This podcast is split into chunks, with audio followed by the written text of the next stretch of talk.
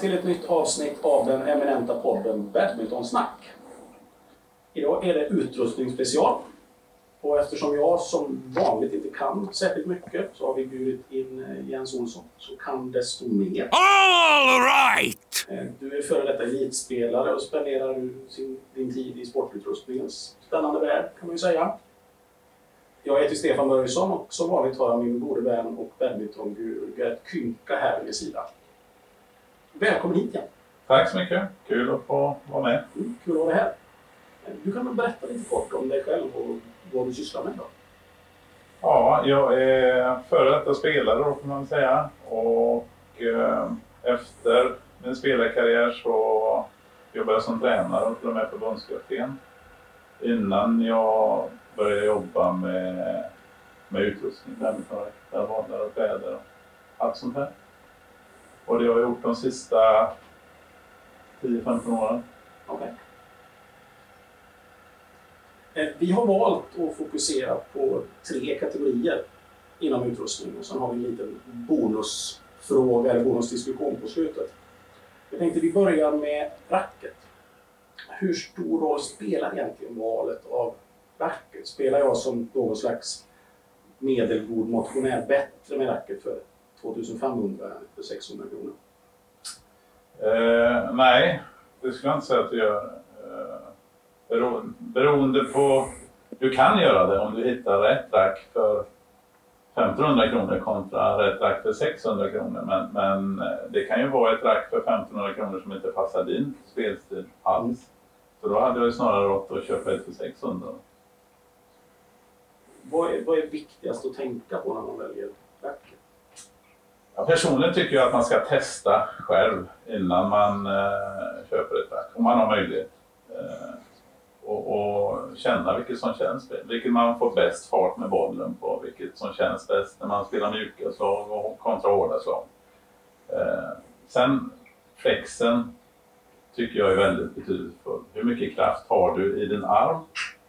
Eh, har du rätt flex för, för den svingen du har om man säger så? Sen kommer då, vill du ha lite mer power i slagen så vill du kanske ha ett rack som har lite mer vikt i huvudet på racket. Lite mer tyngd. Spelar du dubbel eller mix och vill vara kvick med racket och kanske du har ett lite lättare rack. Men Jens, hur, hur viktigt är det att följa just de, de här reglerna till exempel? Att säger vi att om jag känner att jag slår ganska hårda smashar, eh, då det kanske vore bra med ett racket som har mer power i. Men ändå känner jag att det är skönare att spela med en, kanske en even balance racket. Hur, vad, vad tipsar du då? Ska man lita på sin känsla eller ska man gå efter de här grundreglerna? Jag skulle ju lita på känslan före vad, vad folk säger egentligen. Sen kan det också vara så... Det, du kanske inte vill ha ett rack... ja, Du slår hårt men, men du missar alla mjuka slag, säger vi. Mm. Att man försöker hitta något som är ganska komplett. Alltså, jag kanske slår något lösare men jag får mycket bättre känsla när jag lägger mjukare slag. Eh, Då kanske jag ska välja ett sånt rack istället.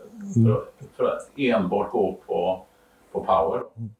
Så du menar att man ska se på hela helheten? Precis. Det är ju får- inte bara smash i badminton. Mm. Man ska ju Mm. lägga lite mjuka Mm. och känsliga bollar om man säger så. Mm. Kontroll. Ja, men, men vi börjar ju prata lite om just eh, jag sa even balance. Men vad betyder egentligen topptungt, balanserat, topplätt?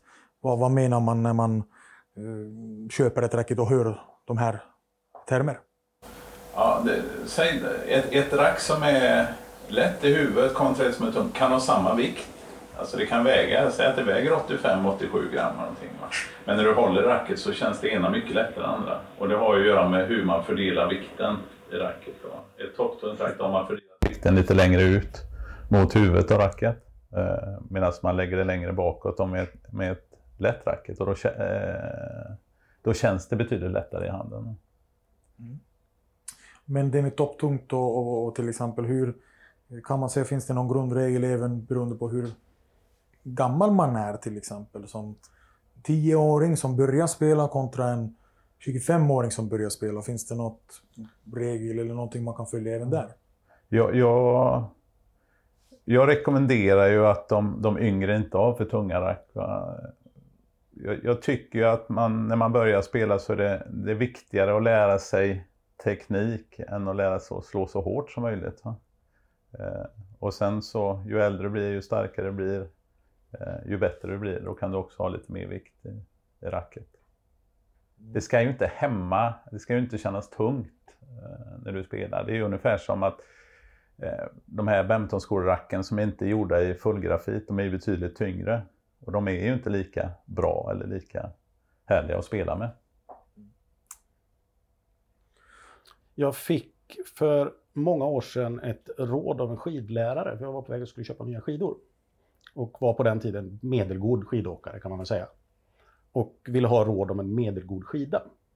Och hon säger då, liksom, men du ska inte ha en medelgod skida, du ska ha en lite mer avancerad skida så att du tvingas att åka med bättre teknik för att kunna använda utrustningen. Kan man tänka på ett liknande sätt inom val av badmintonracket? Uh, det, det, är klart att du kan ju köpa ett rack och växa in i, om man säger så. Då. så att, köper du ett rack som är förhållandevis billigt på den nivån du ligger så kanske du behöver byta det efter ett halvår, säger vi. För, för att få ännu mer fördel av racket om man säger mm. så. Då. Så det kan ju finnas en mening med. Okay. Något, något mer avancerat än, än den nivån du ligger på skulle jag rekommendera i så fall. Men hur är det med styvhet eh, med räcket? Man pratar ju lite om att vissa räcket är stuvar och vissa med flex. Och hur, eh, grundreglerna där och hur, vad ska man följa där? Eh, ja, ju, ju, bättre arm eller ju, ju, bättre fart du kan få i racket skulle jag säga ju styvare racket kan du använda. Eh, jag brukar ta ett exempel på om du kan trycka ner en fjäder. Eh, kan du trycka ner den för lätt så kan du ha ett styvare rack då säger vi. är det så att du inte rubbar fjädern, då är den för styv. Va? Så man ska försöka hitta en flex som är som passar den armen jag har, om man säger så, den farten jag får på racket. Mm. Men hur mycket, med alla de här balanser, styvheter och topptung, topplätt och så vidare. Eh, det finns ju även olika storlekar på, på grepp. Visst är det så? Ja, det finns, men det har väl gått bort lite grann från det där.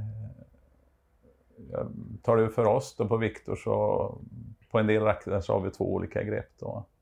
Eh, och sen tror jag också det är lite individuellt vad man tycker. Men jag skulle inte rekommendera ett tjockt grepp till exempel. Då. Snarare ett lite tunnare grepp och i så fall då linda på någon, någon linda. Men du nämnde att ni har två storlekar. Finns det ännu större spänn? Liksom tre, fyra storlekar på vissa märken? Eller hur ser det ut inom, inom branschen? Det kan jag faktiskt inte riktigt. Det är möjligt att det kan finnas något någon storlek till. Eh, men det är snarare så att man försöker gå ner där eh, än att plussa på. Mm. Vad, vad, kostar en vettig badmintonracket? Finns det någon skamgräns man ska säga, som man ska hålla sig över för att få hyfsad kvalitet? Ja, det är givetvis beroende på vilket racketmärke det skiljer lite grann. Eh, men, men om man ska ha Eh, ett riktigt bra racket så skulle jag säga runt 1000 kronor. Okay. Eh, är, är väl en ganska bra måttstock. Du vill komma åt eh, framförallt det som skiljer racken åt, de, de billiga grafitracken har inte lika fin grafit som de dyra har. Eh, så därför kan det vara en mening att gå upp lite i kvalitet på grafit. De blir betydligt mer vridstyva det innebär att det inte fladdrar så mycket i racken och att du får ut din energi på ett annat sätt än du får med de racken med, med billigare grafit helt enkelt. Men hur är det när man investerar i ett racket? Alltså, säg vi att jag köper ett racket för 1700 kronor. Eh, så finns det ju ganska mycket andra saker som man kanske skulle kunna köpa, till exempel lindor. Och vad är dina tips när man ändå investerar i ett racket? Ska man köpa en linda? Hur ska man, hur ska man vårda sitt racket om man har strängat om till exempel bättre senor? Och hur ska man tänka där när man ändå lägger den investeringen? Absolut ska man ju skydda framförallt scener och, och ram. Och, jag menar, grafit är inte Det kan ju räcka att du går emot väggen eller slår till racket när det ligger i väskan så kan, graf, kan det gå sönder. Va? Så att eh, man ska ju försöka vårda det och, och, och senorna framförallt. Va? Eh, sen skulle jag också rekommendera att om man köper ett rack, istället för att köpa ett för 1700, om, om det nu där taket är, säger vi att man, man kan tänka sig lägga 1700, då kanske man ska istället satsa på att köpa två för 900 eller 850 eller något sånt där då. Så att man har ett likvärdigt rack om man skulle slå sönder senorna och behöva lämna in och stränga om. Att man, man har ett likvärdigt rack i vägen. Är det ditt tips till alla? Att ha alltid två racketar? Är det, eller är det liksom att ska man spela tre gånger eller två gånger i veckan om man ska ha två? Eller hur ser du på det? Ja, gi- givetvis. Det är ju inte så att man måste ha två racketar. Men, och spelar du bara ja, en gång i veckan var 14 dag så, så kanske du hinner få ditt rack omsträngat och klart till nästa gång du spelar. Men, men spelar du ett par gånger i veckan så, så tycker jag nog att man behöver ha minst två racketar. Ja, det är bra, då ska jag köpa en till. Han sa inte 20, han sa 2. Eh, någonting som diskuteras rätt flitigt, inte minst hos det här gänget som du har träffat tidigare på morgonen, är ju strängning och hårdhet. Och där finns det ju allt från 9 kilo upp till, ja, det är någon som spelar med 15, tror jag, och tycker det är lite coolt sådär. Men hur ser du på hårdhet i strängningen? Eh, ja, där skulle jag säga att det är också beroende på hur, hur duktig du är. Hur, bra du träffar bollen. Va? Träffar du alltid bollen i mitten, i sweet spoten som vi säger, så, så kan du ha ett väldigt hårt strängattack. Eh, men, men gör du inte det så blir det ju lite dött. Det händer ingenting om, om du träffar vid sidan av sweet spot, ju hårdare du har. Är det lite mjukare så får du också lite mer hjälp där. Så att jag skulle ju inte råda alla att stränga den 14-15 kilo. Det, det passar inte alla. Sen de absolut bästa i världen, de strängar ju så hårt. Men de träffar också mitt i racket hela tiden. va. Mm. Men hur tål racketen? Det finns ju lite olika restriktioner hur mycket eller hur hårt man kan stränga ett rack, kanske som är lite billigare. Vad beror det på? Men det beror också på grafiten. Alltså, ju, det är klart att det blir mer påfrestningar på ramen ju hårdare du strängar racket.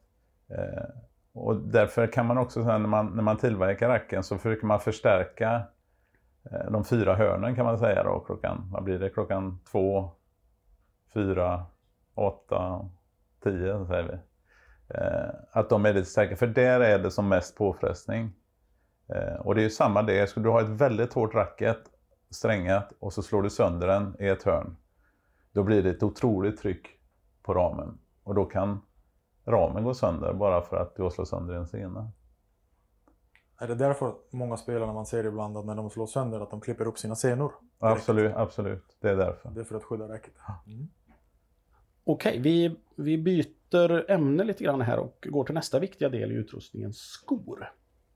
Kan man spela badminton i foppatofflor? Nej. Det kan man inte alltså?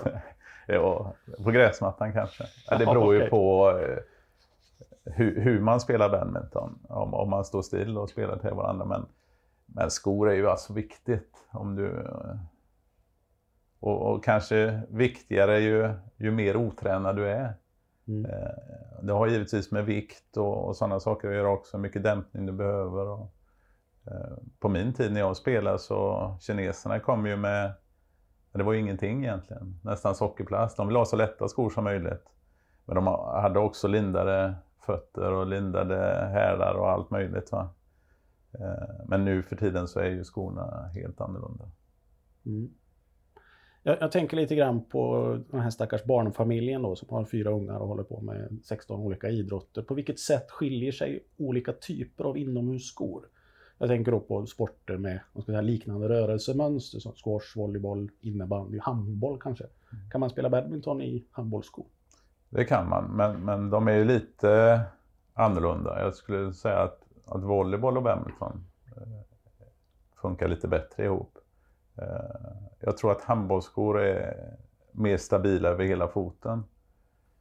Vi har så mycket vändningar och vridningar i badminton så vi kan inte ha för styva skor. Utan vi vill gärna ligga ganska nära golvet. Vi vill ha dämpning men ligga ganska nära golvet. Och ha lite stöttning och hjälp i hälpartiet. Men inte lika mycket i framfoten om man säger så. Men det går att kombinera i alla fall Ja, några det- idrotter med samma, Absolut. samma typ av skor. Hur viktig är färgen? För ungdomar är det nog väldigt, väldigt viktigt tror jag. Eh, för skon i sig är det ju inte viktigt. Men, men det, det har ju blivit mode såklart i, i badmintonskor också. Och nu helt plötsligt börjar...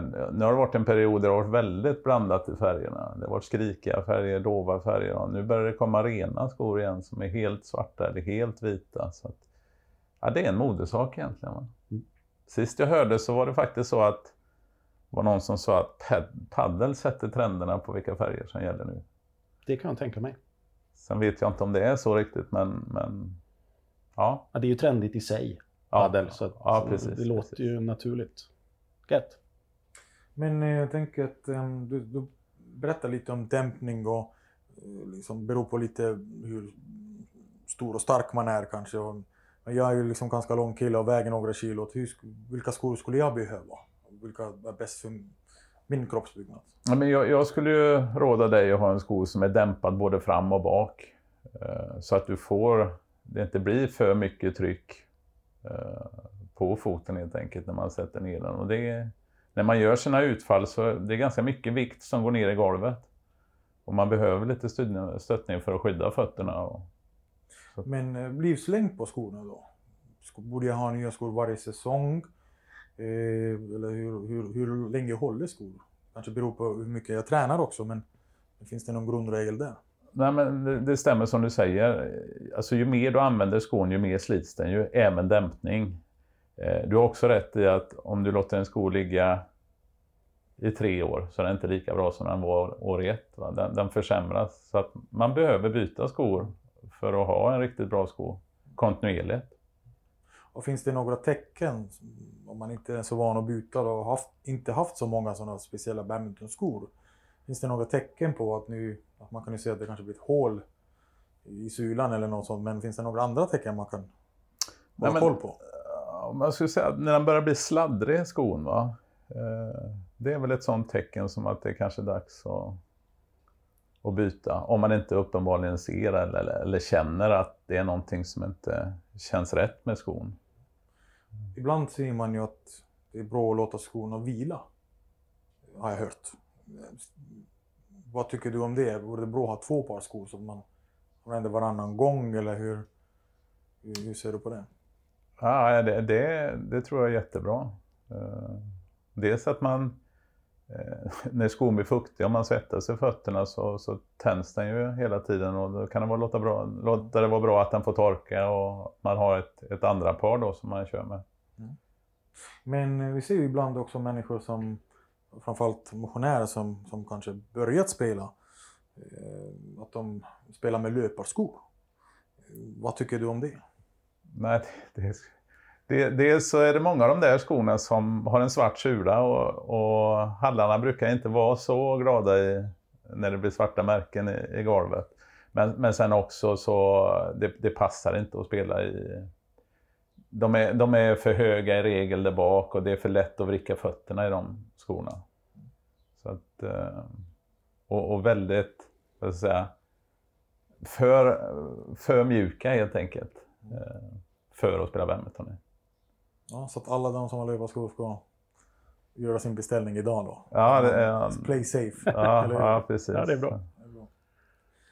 Okej, och då nu till del tre. Bollen. Eh, Det finns ju då två huvudtyper av bollar kan man säga. Bollar plast eller fjäder. Och så finns det en del hybridvarianter på gång och det finns till och med en del hybridvarianter redan ute på marknaden. Vad, vad är det som gäller? Plast eller fjäder? Ja, I dagsläget är det ju fjäder som gäller. Det finns inget som kan konkurrera med fjäder. Eh, man jobbar ju hela tiden på att försöka få fram ett alternativ, då, ett syntetisk boll. Eh, ren plast går ju inte, va? Det, det flyger inte likadant. Och det, jag har jättesvårt att se att det ska fungera. Man måste hitta någon annan kompositmaterial på något sätt. Så. Och det, det jobbas ju hela tiden. Men jag tror till och med det ska gå stora tävlingar med någon form av kompositboll nu. Mm. De har ju gjort tester. Och, men, men skulle du fråga spelare på det här så, så finns det inget som kan konkurrera med fjäderboll. Vad, vad är skillnaden egentligen? Fjäderbollar blir ju, spelar man mycket blir ju det ganska dyrt, för de har ju en tendens att gå sönder ganska fort. Nej, men det, det, är väl på något sätt, det är bollflykten som är hur bollen snurrar i luften och hur man kan styra bollen. Eh, tar du det, den största skillnaden har du ju på plast och fjäder då. Nu finns det ju kompositbollar som, som flyger ganska så nära fjäderbollen. Men inte riktigt lika bra då. Men, men tar du plast så, så snurrar ju inte den på samma sätt som en... Du får inte samma känsla, du kan inte skära slagen som vi brukar säga att man... Utan, utan det, det försvinner den här känslan som du får med en fjäderboll, med plastbollar. Men hur är det med fjäderbollar? Det finns ju olika fjäderbollar i olika prisklasser. Och ibland hör man ju människor som har provat och köpt in något till exempel på internet som de har fått för billigare pris. Eh, men de kanske inte håller alls lika bra. Vad har du för tips där? Att är det bättre att investera och ta en ordentlig boll? Håller det bättre eller hur, hur ska man tänka där? Absolut. Ja, den här frågan får jag ofta och ofta är det klubbar som vill, vill köpa och jag har ju full förståelse för det. Det är jättedyrt och det är kanske klubbarnas största kostnad och det, det är fjäderbollar. Och så vill de köpa en billig boll men förväntar sig att den ska hålla lika bra som en dyr boll och det gör den inte. Va? Alltså när de tillverkar bollarna så, så placerar de ju bollarna i, ja det här är en A-boll, det här är en B-boll, det här är en C-boll. Och en C-boll flyger inte lika bra, är inte lika bra som en A-boll. Och, och, då blir priset därefter. Va? Och, och, har du en klubb till exempel och gärna vill använda bollen en andra gång och en tredje gång kanske, där du har ungdomar som du vill mata bollar eller som ska spela, så det lönar sig nästan alltid att köpa en dyrare boll om man, om man behöver använda bollen igen och igen. Va? Mm.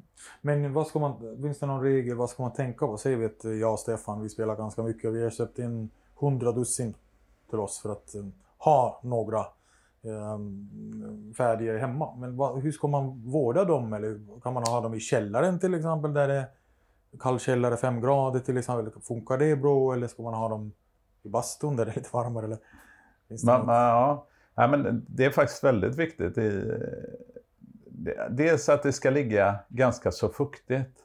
Som du säger, en jordkällare är ju helt perfekt. Och att, att graderna ligger ganska lika så att det inte svänger för mycket. Det får inte vara 20 grader en gång och sen så 10 dagar senare är det 10, dag, 10 grader. Va? Utan man vill ha en jämn temperatur och gärna fuktigt. Det är det ultimata sättet att förvara dem på. Har du som är djupt insyltad i branschen, har du någon inside info om nya syntet eller kompositbollar på gång? Du var redan inne på det. BWF har ju trots allt godkänt en syntetboll för spel i stora internationella tävlingar? Eh, nej, inte mer än att eh, vi på Victor har också en boll som, eh, som flyger väldigt nära en fjäderboll. Eh, men vi är inte riktigt där så vi kan eh, säga att det här kör vi på. Vi, vi, vi säljer den och vi, vi kör på den men den, den är inte i den nivån som som fjäderbollen är på. Men, men det är den ju inte prismässigt heller då såklart. Utan... Men håller den bättre? Ja, det gör den. Eh, men den flyger inte så bra. Ah, okay. Eh, den, den, den, skiftar lite i luften. Jag tänker på eh, djurhållning och sådär. Det uppstår ju trots allt en viss kritik för de stackars änderna och gässen som får ställa upp med fjädrar för det är lite petigt. Man kan ju inte ta vilken som helst. De måste ju vara exakt samma dimension och storlek och så vidare. Tror du att det kommer att finnas fjäderbollar överhuvudtaget om säg, tio år? Nej, jag, jag tror det. När man hittar ett alternativ som motsvarar fjäderbollen så tror jag att man kommer på att köra på det rätt ut. Det tror jag. Sen tror jag också att det är väldigt svårt att jag, jag, tror det måste vara någon samlad sak man gör att vi, vi, nu beslutar vi oss för att inte spela med fjäderboll mer. För jag tror inte att vi i Sverige kan påverka Kina och inte producera fjäderbollar till exempel. Nej. Eh, jag tänkte byta spår lite grann och prata lite grann om sponsring. Eh, Victor är ju för många ett relativt nytt varumärke inom badminton kan jag ju säga. Men ni, ni satsar ju stort och ni har ju bland annat Anders, Anders Antonsen och en av mina absoluta favoritspelare, Taitsu Ying, i teamet. Sen är ju badminton som alla sporter med brittiskt inflytande mer eller mindre konservativt. Och Yonex anses ju trots allt av många som det bästa valet, kanske framförallt på racketsidan av hävd och gammal vana kan man ju säga. Eh, hur agerar ni när ni vill rekrytera nya spelare till ja, Team Victor? Ja, det... Jag skulle säga så här att nu, nu sitter jag på två märken. Eller den firman jag jobbar för har ju två märken. Vi har ju Forsa och vi har Victor. Och det är klart, vi vill ju inte riktigt konkurrera med varandra. Nej. Men vi har också olika prisnivåer.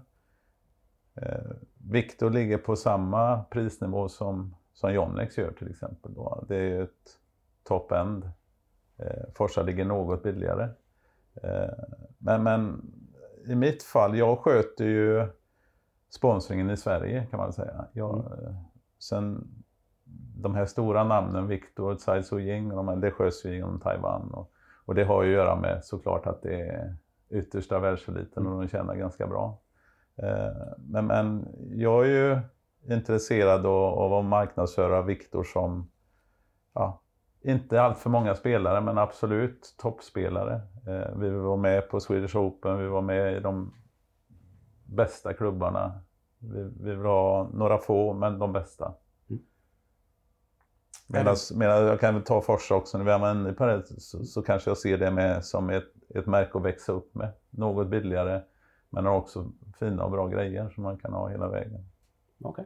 Men hur, du, du säger att eh, Eh, ni vill ha de bästa spelarna. Så men vad mer tittar du på om det till exempel kommer en ja, 17-åring, ja, Stefan, som frågar efter sponsring. Vad, vad är viktigt för dig som, som möjlig sponsor till spelarna? Vad är det du, är det personlighet, resultat, allt? Vad är det du tittar på? Man, man gör nog en samlad bedömning. Eh, jag menar, ta bara det här med sociala medier. Det har ju börjat bli eh, viktigt. Att hur många följare har man? Hur aktiv är man? Hur mycket marknadsföring ger man märket utåt? Eh, vad är man för person? Eh, vilka resultat har man givetvis? Va? Så att eh, man gör nog en samlad bedömning eh, om man tror om det här. Och det kan ju vara så att man tror mycket på en spelare fast de kanske inte har utvecklats till den spelaren de kommer att bli. Och man kanske vill vara med på ett tidigt stadium. Eh, Det är också en sån här, så det behöver inte vara tvunget den som är nummer ett. Utan det kan ju vara någon som är nummer fem. när man ser en stor potential i spelaren. Men sen kan man ju på vissa tävlingar har man ju kanske sett att någon som är sponsrad spelare av, något märke då efter sin förlorade match tar med sina tio racketar och går under läktare och ja, om man får säga man slaktar racketarna man slår sönder dem. Eh, vad tycker du om sånt som en leverantör eller sponsor? Hur ser du på det? Nej, men det, det, det funkar inte att, att ha sådana spelare helt enkelt. Jag har ju full förståelse för att, spela att man blir frustrerad och arg. Men, men man kan inte slå sönder tio racketar eller fem racketar eller tre racketar. Eller. Det är en sak när man spelar och, och det händer och ett rack går sönder, ja visst. Sånt händer under spelet, men att bara slå sönder saker, ja, alltså, det... Nej. Mm. Jag håller med. Man måste ju ha respekt för utrustningen som man spelar med. Men det är Absolut. intressant att höra dina tankar. Absolut. För sånt händer ju tyvärr Mm. ibland. Hur, hur stor roll spelar egentligen valet av varumärke kan man säga på racket på elitnivå? Har alla stora tillverkare, vi säger ja, Victor, Yonex, Lining, ja nu har jag nämnt några men nämnt några men ingen glömd om man säger så. Har alla de här stora tillverkarna tillräckligt bra racketar för att hävda sig på världsnivå? Ja, det skulle jag säga. Anledningen, tittar man hur det ser ut i, bland världsspelarna, de toppen i världen, eh, så spelar de med de här tre märkena. Och, och det gör de ju egentligen av den anledningen att de får bäst betalt därifrån. Va? Alltså, de är så stora eh, så att de mindre märkena har svårt att konkurrera. Eh, sen tror jag säkert det finns mindre märken som kan göra nog så bra racketar. Det tror jag. Men, men man har ingen chans. att man har helt enkelt inte de musklerna. och plocka de här spelarna. På, på lite lägre nivå så finns det ju, det kommer ju alltid uppstickare. Eh, så du kan, ju, du kan ju hamna i en situation att där du som lite yngre spelare står inför valet att du får ett, ett halvbra kontrakt från någon av de stora. Och så ställs det mot ett ekonomiskt kanske bättre kontrakt med ett mindre känt eller mindre respekterat varumärke. Hur tycker du man ska tänka där? Uh, ja, det, det är en lite svår fråga. Jag har ju förståelse för att det kostar pengar att spela badminton och, och kan man få det ekonomiskt mer fördelaktigt på något så, så kan det vara värde. Men man ska också ha i åtanke att eh, kanske hålla sig till, om det inte är några stora skillnader, man håller sig till ett, ett märke.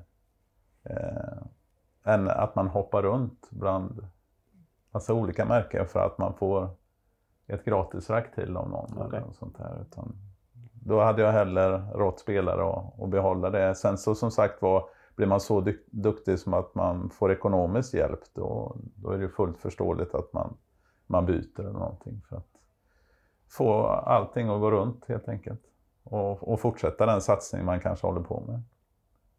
Okej. Kloka råd. Innan vi går in på bonusavsnittet så tänker vi nu ta en liten fråga till er lyssnare. Ungefär som den här lilla sorbetkulan som man får mellan rätterna på finare restaurang för att rensa gommen lite grann om man säger så. Eh, ni kommer alldeles strax höra ett ljud. Och då är frågan, kommer det ljudet från en smash eller kommer det ljudet från en clear? Svara gör ni i kommentarsfältet så kommer vi med svaret i nästa avsnitt av Badmintonsnack. Och nu till eh, vår lilla bonusdel. Badmintonstil. Finns det några stilmässiga no-nos inom badminton? Jag kommer ju delvis från cykelvärlden. Där finns det hur många som helst. Du ska ha en exakt längd på strumporna, du ska ha en viss färg på lindan på styret. Du får inte gå mer än en halv meter från cykeln med hjälmen på huvudet och så. Finns det något liknande inom badminton? Uh ja, den var lurig.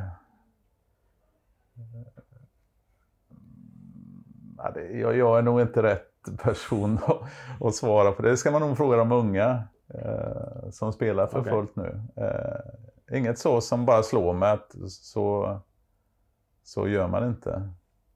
Utan jag skulle säga att eh, ska, man ska se ut som en badmintonspelare. Man ska inte komma med en eh, jag ska säga, en plastpåse från ICA med, med några rack i, utan eh, man ska ha schyssta grejer. Sen får vi ju säga också att det är klart att det är okej att komma med en plastpåse från ICA, men vill man vara rätt i badmintonstil så ska man alltså undvika det. Ja, det var precis så jag menade. Jag menar inte att man inte får. Nej, jag tror inte det heller. Var det, var det stiligare förr om man tänker kanske, då får man kanske tänka lite grann generationen innan dig. Men jag, tänk, jag ser framför mig Rudy Hartono i korta vita shorts, kragtröja, kabelstickad slipover. Var det, var det snyggare förr? Jag vet inte om det var snyggare, det var väl renare eh, och mer strikt på den tiden. Men, men det är väl som mode överlag, det, det skiftar och, och skulle man fråga ungdomarna idag så tycker de ju säkert det ser förfärligt ut det de spelar i. Eh, och sen har ju givetvis materialet ändrat sig så att eh, det, det tror jag inte kommer tillbaka att man spelar i pullover och och bomullströjor utan nu är det funktionströjor och Mm. mm. Men ehm, hur mycket spelar kläderna egentligen roll? Får man ta en skön t-shirt eller ska man ha bomull eller funktion? Alltså vilken material är bäst? Eller, eller vad, har du några tips vad man ska tänka på där? Eller är det bara att ta ett par sköna shorts och t-shirt och det funkar ganska bra det också? Eller? ja, det, fun- det, fun- det, alltså, det beror ju på hur mycket man spelar. Och, eh, men, men spelar du tävlingsspelar du så skulle jag ju säga att man ska ha en funktionströja. Eh, en bomullströja så stannar ju svetten när den blir tung. Medan alltså, en funktion behåller ju sin lätthet om man säger så. Är är det nå- något om, du, om, om, om det är något som man verkligen borde investera i? Är det liksom viktigast med en riktigt fin och bra funktionströja eller ett par bra skor eller om man ska prioritera? Jag skulle prioritera rack och skor. Eh, skor jätteviktigt. Eh, men, men om du hade nu eh, någon tips till någon som vill uppgradera sin utrustning, vad hade du sagt då? Vad ska man köpa skor och räck först och sen eller vilken ordning ska man då eh, gå eller vad ska man tänka på? Ja, jag, jag, jag skulle nog rangordna det skor 1, rack 2, sen kläder 3 då.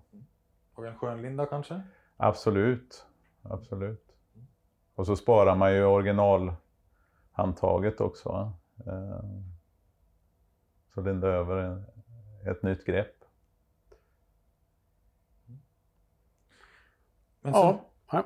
ja. Och sen har vi ju en, en fråga som vi brukar fråga till, eller ställa till alla som kommer till, till oss om just om foppatofflorna. Eh, tycker du att det är okej att funktionärer på tävlingar bär foppatofflor?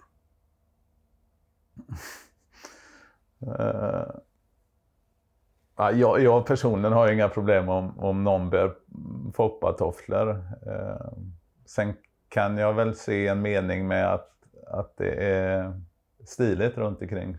Uh, att det är enhetligt och att, inte just med foppatofflor kanske, men, men att man har gympaskor eller svarta skor och man har funktionärerna av samma kläder, man känner igen vilka som är funktionärer och så vidare. Super.